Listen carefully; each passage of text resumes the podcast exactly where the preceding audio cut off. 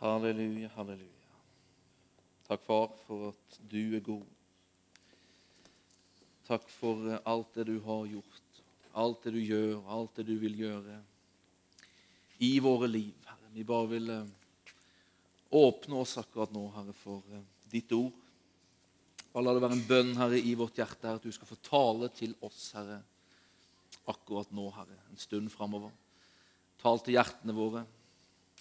Åpne hjerte, hjertene våre, Herre, som vi kan se, Herre, hva du vil, Herre. Forstå, Herre, hva du vil, og få tro på det på en sånn måte, Herre, at livet våre, Herre, blir forvandla, Herre. Til at vi enda mer, Herre, kan bli lik du. Ligne du, Herre, og gjøre du kjent i vår verden, Herre. Priser deg, ære deg, lover deg. I Jesu navn. Alt folket sa. Amen. Bra. Ja. Jeg var med på den. Det er veldig bra. Herlige lovsangsfolk. Gi dem en applaus.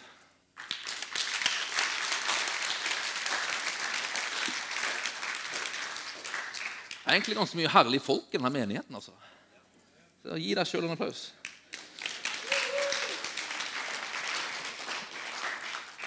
Det mente altså. Vi holder på um, har hatt fokus og har fokus på um, etterfølgelse denne våren. Det å være en etterfølger av Jesus, det å være en som er som Jesus i denne verden, som følger han, og som mer og mer blir lik han, det er liksom målet med våre liv. Vi som tror på han og har bestemt oss for at vi vil tilhøre ham. Vi er kalt inn til å være etterfølgere, til å følge Han, til å være som Han. Og um, I det siste så har jeg prata litt om at Jesus i sitt liv og tjeneste på jorden levde i tre ulike relasjoner liksom parallelt. Han levde en relasjon opp til Gud, sin far. Han levde inn i relasjon med de som har tatt et valg og følge han, og så levde han i relasjon ut mot mennesker som enda ikke hadde tatt det valget å bli hans etterfølgere. Og Du har sagt det at hvis vi ønsker og vil bli sterke, sunne og bevisste etterfølgere av han, så behøver vi å leve liksom, bevisst i de samme relasjonene som han levde i. Og hvis vi vil være en sterk, sunn menighet, så behøver jeg en menighet som lever bevisst i de relasjonene. Opp i relasjonen med Han. Inn i relasjon med hverandre. Og ut i relasjon med mennesker der ute. Sist gang så talte jeg litt over det her med relasjonen som Jesus hadde med de som hadde valgt å følge han. Og jeg prata om relasjonen som vi er kalt til å leve med hverandre. og jeg jeg tok utgangspunkt i Markus 3, der, der, vi leste om når Jesus velger ut de tolv. De tolv eh, eh, som ble kalt apostler. Og Da gjorde han det sa jeg, av to hensikter. For det første for at de skulle være sammen med ham. Og For det andre for at når de var sammen med ham, så skulle han kunnet gjøre dem i stand for å sende dem ut for å forkynne og ha makt til å drive ut de onde åndene, står det her står i Markus 3, vers 14 og 15. Jesus han tok med seg liksom sitt, sin relasjon han hadde med Gud, inn i relasjonen med de som hadde valgt å følge ham. Og vi er kalt til det samme. Vi er kalt til å leve i en sterk relasjon med Gud, vår far. Vi er kalt til å leve i en relasjon med Jesus, vår frelser. Vi er kalt til å leve i en relasjon med Den hellige ånd, som bor i oss. Og så er vi kalt til å ta relasjonen med han inn i relasjonen med andre som har valgt å tro på han. Vi skal sjøl være etterfølgere av Jesus, og så skal vi hjelpe hverandre i å være etterfølgere av Jesus. Og jeg sa Det at det å være en etterfølger av Jesus det er, ikke en, det er ikke en kallelse til et sololøp, men det er en kallelse til et liv i fellesskap med andre som har sagt ja til det samme kallet. Det er fellesskapet av oss som tror. Det er et fellesskap som skal være helbredende, prater om. I den forstand at det skal oppfylle behovet vårt for fellesskap og for tilhørighet. og Det var det jeg talte om sist gang. Men dette fellesskapet oss imellom skal jo fungere liksom utrustende. Fellesskapet skal være med og sette oss i stand til å gjøre de gjerninger som Jesus gjorde. Til å gjøre så at vi får være med på det Gud vil gjøre i den verden vi lever i. Fellesskapet oss imellom det skal være et redskap som Gud kan få virke gjennom. For å bygge oss opp til de Jesus-like personene som han har tenkt at vi skal være i denne bygda, og utover denne bygdas grense, utover hele verden. Og I dag så tenkte jeg at vi skulle prate litt mer om det her, at fellesskapet skal ruste oss for det her. Og Jeg tenkte om vi skulle gå til Apostlenes gjerninger, kapittel 4. Og jeg tenkte at vi skulle treffe en mann der som heter Josef. Apostlenes gjerninger, kapittel 4. Denne Josef han var en levitt, står det, fra Kypros. Og Han var del av den første tidlige menigheten. Og Nå tenker du så her kanskje at Josef fra Kypros, som var en del av den første tidlige menigheten, han kan jeg ikke si jeg har hørt om. Og Det er nok fordi at Josef han er mest kjent under det han ble kalt. Han hadde et kallenavn som apostlene gav han, sto det. Vi leser fra Apostlenes gjerninger 4, 32-37. Alle de troende var ett i hjerte og sinn, og ingen regnet det som det de eide, som sitt eget. De hadde alt felles. Med stor kraft bar apostlene fram vitnesbyrdet om at Herren Jesus var stått opp, og stor nåde var over dem alle. Ingen av dem led nød, for de som eide jord eller hus, solgte det og kom med pengene og la dem for apostlenes føtter. Så fikk hver enkelt tildelt det han trengte. Josef, en levitt fra Kypros, ble av apostlene også kalt Barnabas. Det betyr trøstens sønn. Han solgte en åker han eide, kom med pengene og la dem for apostlenes føtter. står det der.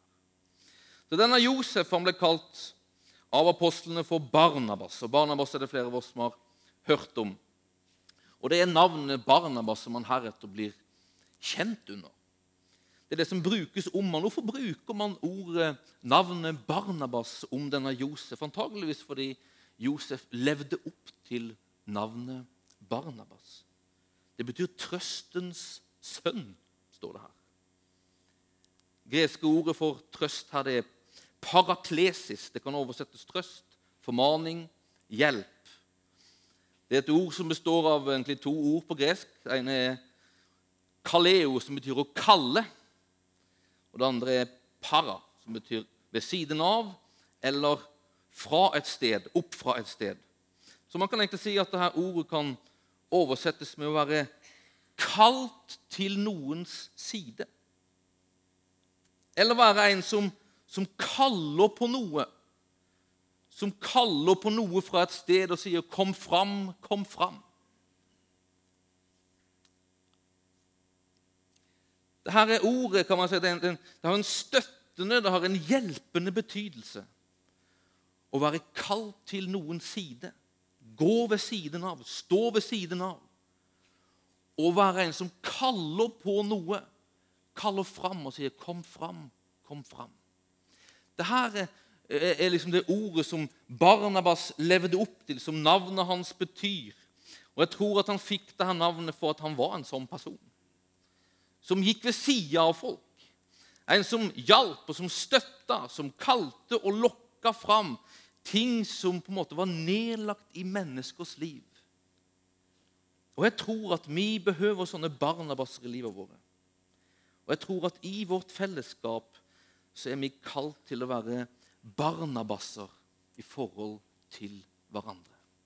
Du behøver en barnabass i ditt liv. Og du er kalt til å være en barnabass for andre. Jeg tror at vi er kalt til å ha et barnabasmiljø, eller en Barnabas-kultur.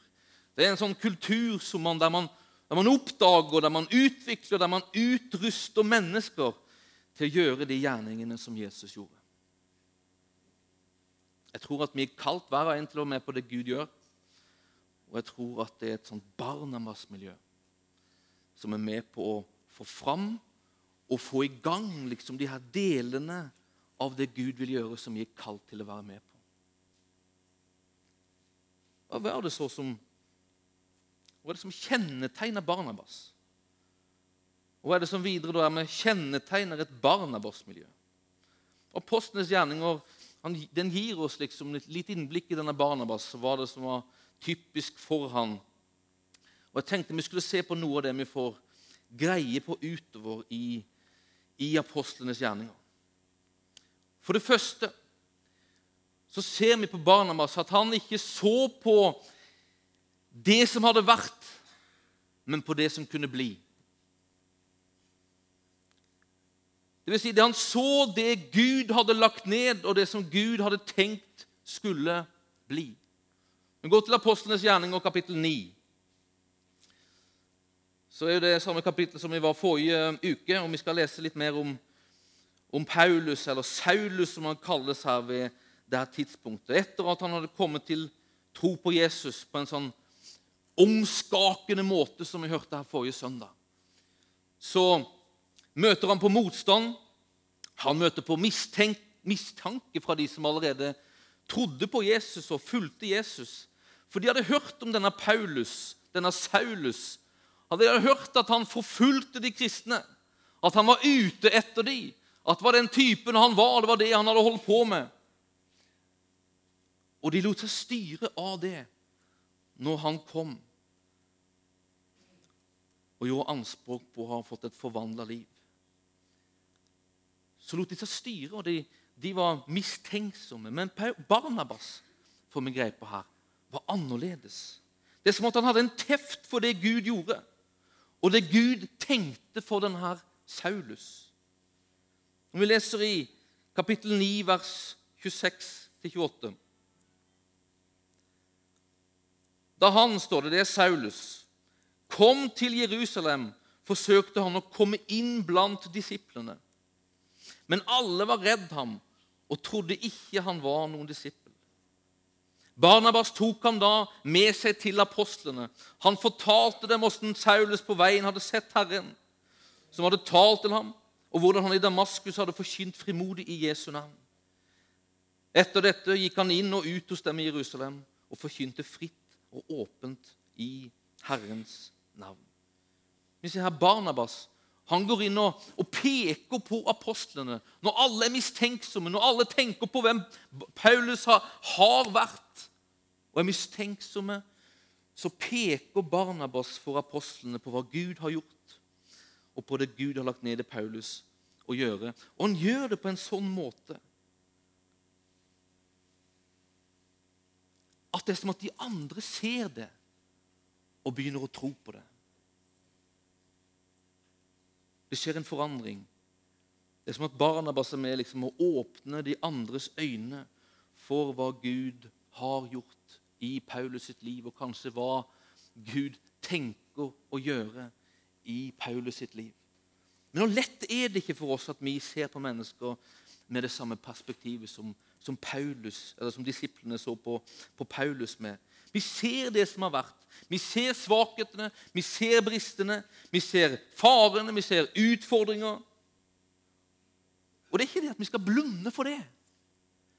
Men det er ikke det som skal styre oss i forhold til hverandre, eller ha siste ordet i forholdet vårt til hverandre. Barnabas han ser med et annet perspektiv. Han er trøsteren, han er den herre paraklesisen, hjelperen, en som er kalt til Paulus side. En som er kalt til å stå der og, og, kalle på det som Gud har lagt ned i Paulus. Se etter det, kalle på det, synliggjøre det, sette ord på det. Se etter noe annet. Se etter noe annet. Du vet, Der de andre så en djevelsk forfølger i Paulus, så Barnabas et Herrens utvalgte redskap. Der de andre så menighetens fiende, så Barnabas hedningenes apostel. Åssen ser vi på hverandre? Åssen ser vi på hverandre? Jeg tror Barnabas-perspektivet det er Guds perspektiv. Det her er ordet paraklesis, det å være en trøster. Du vet, Det er samme benevning som brukes om Den hellige ånd i Johannes evangeliet. Det her ordet som vi oversetter 'talsmannen' eller 'hjelperen' på svensk, det er ordet paraklesis. Ånden er vår paraklesis. Han er vår hjelper. Barnabas er som ånden. Altså.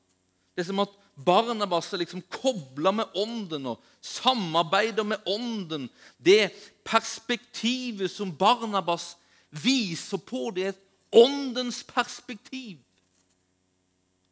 Han så på Paulus med Guds øyne, med Guds perspektiv. Guds perspektiv, det som han ser, det er det han har lagt ned i et menneske. Det som kan bli i og gjennom et menneske. Det er det Barnabas ser. Det er det Gud ser etter. Jeg tror det er det vi er kalt til å se etter i hverandres liv. Jeg hørte en litt spesiell historie fra, fra bibelskolen i Bethel Redding. Det var ei jente der som, som uttrykte at hun elska å høre de profetiske ordene som andre personer fikk. Hvor mange er det som gjør det? Elsker å høre på Jeg tenker naturlig sånn rent tenker, Hvorfor da, liksom? Jeg mener, jeg er ganske opptatt av profetiske ord jeg får. Og man er jo sånn, altså Hvis man er helt ærlig, så er det, så er det liksom nærliggende at man liksom er interessert i hva, hvilke ord har du til meg, Gud. Men her var det en jente som, som, som når, når, andre fikk profetiske ord, så noterte hun. Og så huska hun, og så elska hun det. Og læreren hun spurte hvorfor i all verden elsker du å høre andres profetiske ord. Og da sa hun noe som jeg tror er utrolig bra. Jo, sånn at jeg vet åssen jeg skal se på dem. Hva jeg skal be om å kalle på for deres regning. Veldig sant, altså. Koble med Guds perspektiv. Dette er Barnabas perspektiv. Dette er Guds perspektiv. Dette er faktisk et profetisk perspektiv. Det er et profetisk perspektiv. Har vi et sånt Barnabas-perspektiv på mennesker rundt oss? Eller har vi et sånt Barnabas-perspektiv på oss sjøl? Eller er din eller andre mennesker historie, omstendigheter, det som avgjør åssen vi ser og tenker på oss sjøl, på andre, og hvilken framtid det er som gjelder?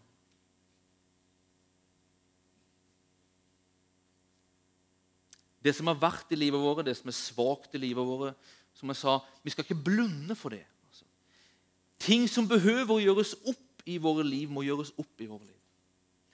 Ting som vi må vende oss bort fra, det må vi vende oss bort fra. Ting som behøver leges, det må få bli lekt i våre liv. Ting som behøver å gjenopprettes, det behøver å bli gjenoppretta i våre liv.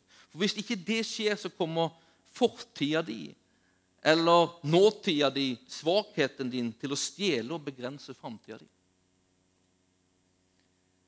Så det som kan bli, det Gud ser, som kan bli, det er ikke automatisk at det kommer til å bli. Det er ikke sånn at vi bare kan blunde og si så her, er en ny skapelse, en ny skapelse, og så bare stenge øynene for det som har vært, og det som fins i livet vårt, hvis det plager deg og holder deg tilbake. Jeg tror Paulus burde ta tak i det som hadde vært.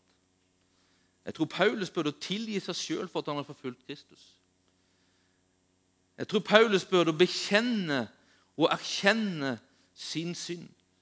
Jeg tror Paulus behøvde liksom å få fortida sin liksom forsont.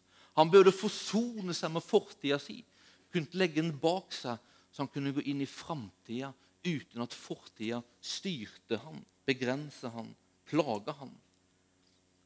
Og jeg synes at Vi ser det når vi leser om Paulus i Nytestamentet. Så prater han om fortida si. Han prater om det som, det som han hadde av synd, uten at det liksom er fullt av bitterhet, uten at det blir en begrensning i livet hans. Han prater om fortida si på en sånn måte at den ikke lenger er en begrensning, men en tilgang. Men da behøver fortida di å bli forsona med Gud. Man behøver å gjøre opp med ting. Man behøver å tilgi seg sjøl for ting. Man behøver å kunne stenge dører og lukke liksom, kapitler uten at det fins masse dritt bak døra som bare stinker. Man må kunne lukke liksom Stenge liksom sånne kapittel som fortida er, for å gå videre, sånn at fortida kan bli en tilgang for framtida. Men det er Guds tanke. Det er det han ser, det er det han vil. Han vil peke på det som fins der foran. Barnabas han åpna øynene for denne framtida Gud så. Jeg tror Han åpna den for Paulus, han åpna det for de andre apostlene. Han åpna øynene sånn at det kunne skapes en vei, og det kunne forløses en kraft for at det som kunne bli, faktisk blei. Vi er kalt til å koble med Guds ånd og peke på det som Gud ser, det som kan bli. Kalle på det, sette ord på det, så det kan peke på en retning, på en vei, som kan føre oss ut i noe, sånn at det som kan bli, faktisk blir. Faktisk blir. Et profetisk perspektiv. Kalle på det, peke på det, proklamere det Sånn at det på en måte baner en vei å gå på inn i en framtid som Gud hadde tenkt. Det er et profetisk perspektiv. Det er Guds øyne, Guds perspektiv. Det er det Barnabas viser på i Paulus sitt liv. Og Det er det vi skal vise på og ha i forhold til hverandre. Det andre vi ser hos Barnabas, det er at han, han, skaper liksom en plass og et utrom for at det Gud har lagt ned i livet til Paulus, skal kunne vokse og bli forløst. Om vi hopper et par kapitler fram, så dukker Barnabas opp igjen på liksom scenen i Apostlenes gjerninger, kapittel 11. Det står at han ble sendt til en by som heter Antiokia i det liksom hedninger, de som ikke var jøder, hedninger kalles de, begynte å ta imot Jesus og bli frelst. Vers 19. De som var blitt spredt pga. den forfølgelse som begynte med Stefanus, reiste omkring helt til Fønikia, Kypros og Antiokia. Men de forkynte ikke ordet for andre enn jøder. Da noen av dem, folk fra Kypros og Kyrene, kom til Antiokia, forkynte de evangeliet om Herren Jesus også for de gresktalende, altså det som ble kalt hedninger. Og Herrens hånd var med dem, slik at mange kom til tro og vendte om til Herren. Ryktet om dem kom også menigheten i Jerusalem for øre, og de sendte Barnabas til Antiokia. Da han kom dit og fikk se hva Gud hadde, Guds nåde hadde gjort, ble han glad og han formante alle til å holde fast ved Herren av hele sitt hjerte. For han var en god mann, fylt av hellig ånd og tro. Og en stor mengde mennesker ble vunnet for Herren. Han dro så til Tarsos for å oppsøke Saulus, som han fant og tok med seg til Antiokia. Et helt år var de sammen i menigheten der og ga mange mennesker opplæring i troen. Det var i Antiokia disiplene for første gangen ble kalt kristne, står det her. Paulus eller Saulus han hadde reist hjem der han kom fra, til Tarsos. Barnabas han blir sendt til Antiokia når ryktet begynner å gå at uh, nå, har, nå, er ikke lenger liksom, budskapet om Jesus Kristus og frelsen gjennom troen på han, nå er ikke det bare liksom, noe som, som, jødene tar imot. Det var I begynnelsen så var det jo bare jødene som, som fikk forkynt det, og som tok imot det. Men så begynte hedningene å ta imot det. Og så begynte de å bli troende. Og så sendte de Barnabas fra Jerusalem opp til Antiokia. Og når Barnabas ser hva som skjer, hedningene begynner å ta imot eh, evangeliet, da drar han til Tarsos for å hente Paulus. Tar han med seg til Antiokia for at Paulus liksom skal være med og gi de troende opplæring opplæring i hva den kristne troen er for noe. Hvorfor henter Barnabas Paulus til Antiokia, der hedningene har begynt å ta imot Jesus? Kan det være fordi han i Paulus så hedningenes apostel? Det står ingenting om at Paulus hadde begynt sin tjeneste i Tarsos og forkynte for hedningene. Han forkynte for sine egne, jødene. Men Barnabas har sett noe. Barnabas har oppfatta noe om denne Paulus som gjør at når han ser at hedningene begynner å komme til tro, så tenker han aha, nå er tida her, nå er plassen her for at hedningenes apostel skal komme inn og komme i funksjon. Her er det en plass. Her er det skapt en plass for at det som Paulus ser hos eh, Barnabas ser hos Paulus, skal få vokse og blomstre og bli forløst. Jeg tenker på vårt fellesskap. Hvor er stedene der det som bor i du og i meg, kan forløses? Det fins en sted. Det fins lagt ned i noe fra Gud hos hver og en. Hos hver og en. Det fins en kallelse, det fins en plass det fins en, en, en, en, tjeneste, det fins et sted der gavene Gud har lagt ned der, skal få vokse og forløses. Hvor er det stedet? Det er en del av det her Barnabas-miljøet. altså. Det å se etter det. Det når man ser det, så hjelper hverandre inn i det. Det å se etter det for egen del, og det å se etter det for andres del. Jeg husker når jeg var, jeg var i Sverige, og jeg var i en sånn bibelskolesetning. Jeg gikk på bibelskole og, og, og, og, begynte liksom å bli klar og begynte å få tro på at wow, jeg har fått noe av Gud som eh, han kan bruke. Begynte å få en lengsel etter det, begynte å være villig til det. Jeg begynte å, å tjene. Og så var det noen som så meg. Så var det noen som dro meg inn. Og så var det noen som begynte å se ting i meg.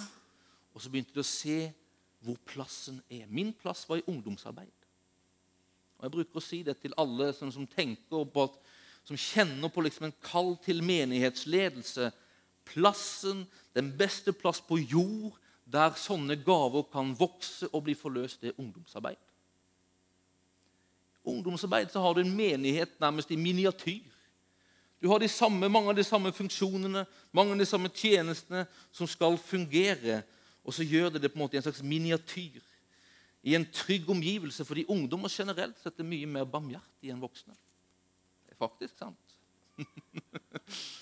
Ungdom er veldig forståelsesfulle og veldig rause. Vi har noe å lære av ungdommer når det gjelder det her. Et Barnabas-miljø der man kan finne en plass der man kan vokse, der man kan bli fostra, der man kan bli forløst i det Gud har lagt ned i livet ditt. La oss hjelpe hverandre i det her. La oss oppmuntre hverandre. La oss peke på det som ligger i livet, og hjelpe hverandre inn på den plassen der ting kan bli forløst i livet våre. Åssen ble Paulus synlig for Barnabas? Åssen ble Paulus liksom synlig for Barnabas? I hvilken liksom situasjon var Paulus når Barnabas så han jeg tror at Paulus var i en situasjon der han tjente. Det står om Paulus. Med en gang han ble, tok imot Jesus, ble døpt, står det, så, så gikk han ut og forkynte, eh, forkynte liksom om Jesus. Forkynte om Jesus. Og at da så Barnabas, en som tjente, en som forkynte, en som var i bevegelse, så ser han hva er det som ligger der. Hva er det som ligger der? Vet du, Jeg tror at den, den plassen på en måte der det er lett lettest å se hva som fins i livet ditt, det er når du er i bevegelse. I bevegelse. Jeg tror ikke helt på det her å sitte på en stol og bare liksom tenke på seg sjøl. Når skal noen oppdage den store gaven i mitt liv? Når skal jeg oppdage hva som fins i mitt liv? Beveg deg.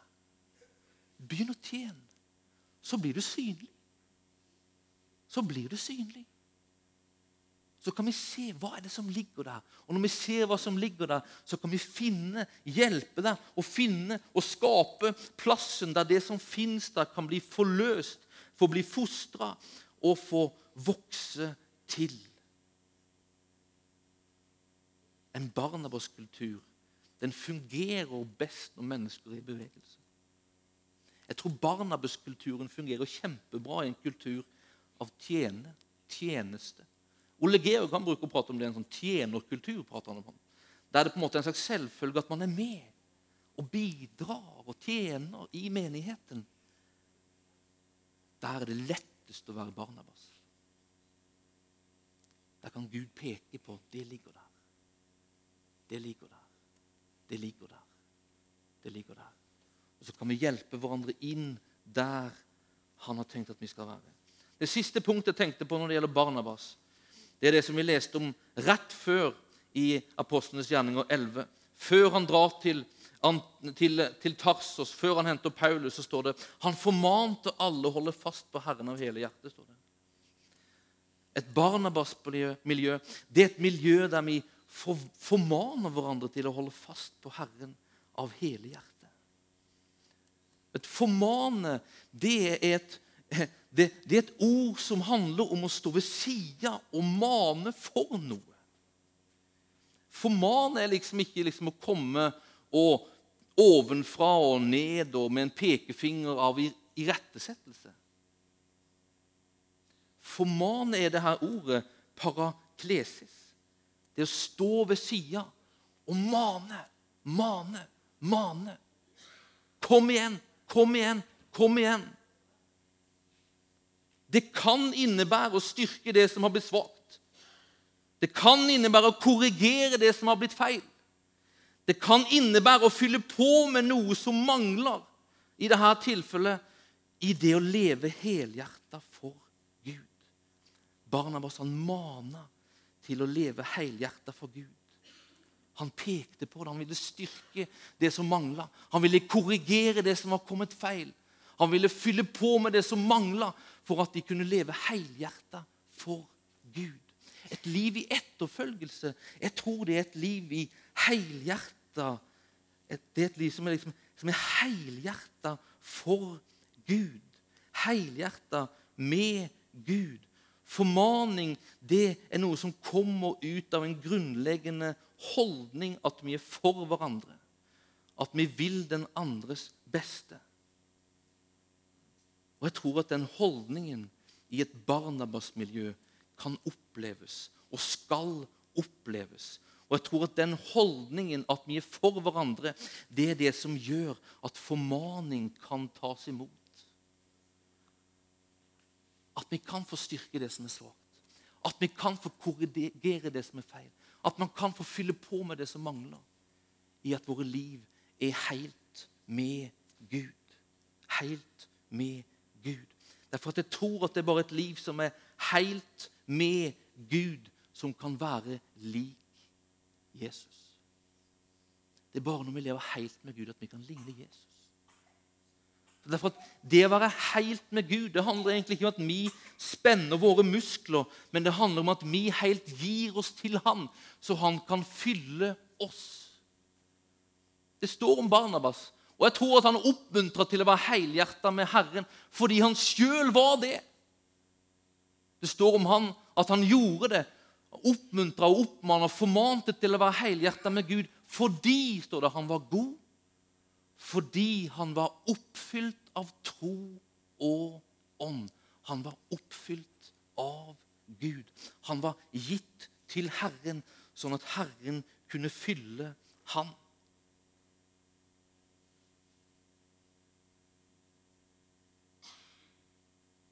Jeg tror at vi er kalt til et liv i etterfølgelse. Et kalt til et liv der vi gir hele hjertet til Han. Sånn at Han helt kan fylle oss. Derfor at når Han får fylle oss, så får Han virke, fløde, heter det på svensk, strømme gjennom våre liv. Og da skjer det noe gjennom våre liv. Da får vi være med på det Gud vil gjøre gjennom våre liv. Jeg tror Paulus fikk være hedningenes apostel fordi han var helhjerta gitt til Gud. Gud hadde fått fylle han helt og fullt og fikk strømme og fungere gjennom hans liv. Det er det vi er kalt til. Det er det vi er kalt til. Resultatet her som vi leser om i Apostlenes gjerninger, kapittel 11. Når det her skjer, når, eh, når Barnabas kommer og han, han formaner dem til å være helhjerta for Herren, så står det at han gjør det fordi han var en god mann fylt av hellig ånd og tro. står det, Og en stor mengde mennesker ble vunnet for Herren. Det var resultatet. Når de ga seg helt og fullt til Herren, så fikk Herren fylle de helt og fullt og fikk fungere gjennom livet de sine. Og en stor mengde mennesker ble vunnet for Herren. står det. I ordspråkene fire så står det her, jeg kjente verset, at vi skal bevare hjertet vårt. Hvorfor skal vi bevare hjertet vårt? Jo, fordi ut fra hjertet så strømmer livet. Så går livet. Hvis vi setter livet vårt, hvis vi plasserer hjertet vårt, vårt i, i, materielle ting, i liksom det som er, er, hva vi kan oppnå, hva vi har, og hva vi liksom behøver, så er det det som får strømme ut av våre liv. Hvis vi har liksom sånn egosentrisk fokus, så er det det som får strømme ut av våre liv. Men hvis vi gir hjertene våre helt og fullt til Han, hvis vi plasserer liksom hjertet vårt hos Han, så er det Han som får strømme ut gjennom våre liv. Og Da kan våre liv få mer og mer ligne Jesus. Vi kan mer og mer få bli etterfølgere av Han. Og verden rundt oss kan mer og mer bli påvirka av ham. Så at gjennom våre liv kan mennesker bli vunnet. Gjennom våre liv kan menneskers liv bli forvandla. Våre hjerter behøver å være helt med Han. Hold fast ved Herren av hele ditt hjerte. Den formaningen var det Barnabas kom med. Den formaningen tror jeg at det er et Barnabas-miljø skal ha. Ikke liksom ut fra kritikk eller selvhevdelse, men ut fra et hjerte som er for hverandre. Ut fra liksom en, en, en sånn ånd der vi, der vi kommer ved siden av hverandre. Der vi står ved siden av hverandre, der vi bakker hverandre, oppmuntrer hverandre, hjelper hverandre, trøster hverandre. Der maner vi for hold fast ved Herren av hele ditt hjerte. Gi deg hen, så at Han kan fylle deg og få fungere ut gjennom livet ditt. Det er et sånt liv i etterfølgelse som vi er kalt til. Det er et sånt liv, sånne liv som vi ønsker at et sånt fellesskap som vi vil ha her, skal få produsere. Dette er fellesskapet som er et sånt profetisk fellesskap, som ser med Guds øyne. Som kaller på det som fins der, som kan bli. Som hjelper hverandre på veien, så at ikke det som kan bli, ikke blir, men det blir og som maner til å gi seg helt til Herren. Som maner til å få fortida liksom forsont og ordna opp. Maner til helhjertet overgivelse, sånn at han får fylle, han får prege, og han får fungere gjennom våre liv. Ut i den verden vi lever i. Amen. Fikk du noe av det her? Det er bra, det er bra, det er bra. Det er vi spiller inn talene våre. De ligger på hjemmesida, de ligger på Soundcloud, Podcaster Alle de ungdommene kan det her. Hjemmesida har dere lært dere, dere eldre. Gå inn der, hør på undervisningen om igjen og om igjen. og om igjen.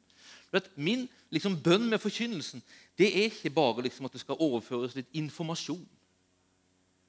Men det skal liksom, gå ut noe fra Guds ord som slår rot i ditt liv, og som bringer en forvandling i ditt liv. Som vekker tro i ditt liv. Det kan bare være en liten ting. Jeg tror at talen av og til kan være til ulike mennesker, ulike deler etter ulike mennesker. Som bare slår ned og gjør noe. Så sitter vi igjen med ulike ting. Men sitt når man hører på forkynnelsen, sitt med en sånn bønn. Gud, tal til meg da. Der burde du sagt før talen, men jeg håper du gjorde det. Himmelske Far, vi takker deg for at du er god, Herre. For at du vil skape et sånt barnebarsmiljø iblant oss. For at du vil skape en plass, Herre, der vi ser hverandre med dine øyne. Der vi kaller på det som du har lagt ned i hverandres liv. Der vi ser etter det, der vi gjør det kjent for, for hverandre og for omverdenen hva som finnes der. Bare skap et miljø Herre, der vi er trygge på hverandre, Herre. Så at vi kan hjelpe hverandre. Vi kan hjelpe hverandre, Herre, til å få det som er vanskelig, det som kan være en begrensning i våre liv, og det som, fra våre fortider, fra det som har vært, Herre. Til å ikke være en begrensning lenger, men til å bli en tilgang som vi kan ta med oss. Til noe som tjener framtida vår, ikke stjeler framtida vår. Herre, skap et sånt miljø. Skap en sånn atmosfære. Skap en sånn plass. Hjelp oss å se Herre, hverandre Herre, med dine øyne. Hjelp oss å gjøre oss lik Barnabas, derfor at vi tror at Barnabas han var lik du. Han var paraklesis, akkurat som du er paraklesis. Takk at vi har fått din ånd, vi som tror på du, Jesus. Hjelp oss å koble med din ånd. Vi vil ikke koble med verdens ånd. Vi vil ikke koble liksom en ånd av kritikk og selvhevdelse. Vi vil koble med ditt hjerte som er fylt av kjærlighet. Vi vil se med dine øyne. Se med dine kjærlighetsfulle øyne. Se med, med dine øyne som er fylt av en sånn tro på oss. Tro på det du har lagt ned i våre liv. Hjelp oss å koble med det. Hjelp oss å se med de øynene. Hjelp oss å ut ifra det skape et fellesskap der dine hensikter kan bli tjent. Der det du har lagt ned i hver og en, Herre, kan bli forløst, kan få vokse, kan få bli fostra fram. Så dette stedet, dette fellesskapet, blir et sånt veksthus. Et sånt veksthus der vi mer og mer, Herre, får bli like du. Mer og mer, Herre, får være et folk som går ut og sammen med du forandrer, Herre, den verden vi lever i. Bringer håp, bringer tro, bringer liv og forvandling til mennesker rundt oss priser ditt navn og ærer ditt navn. I Jesu navn. Amen.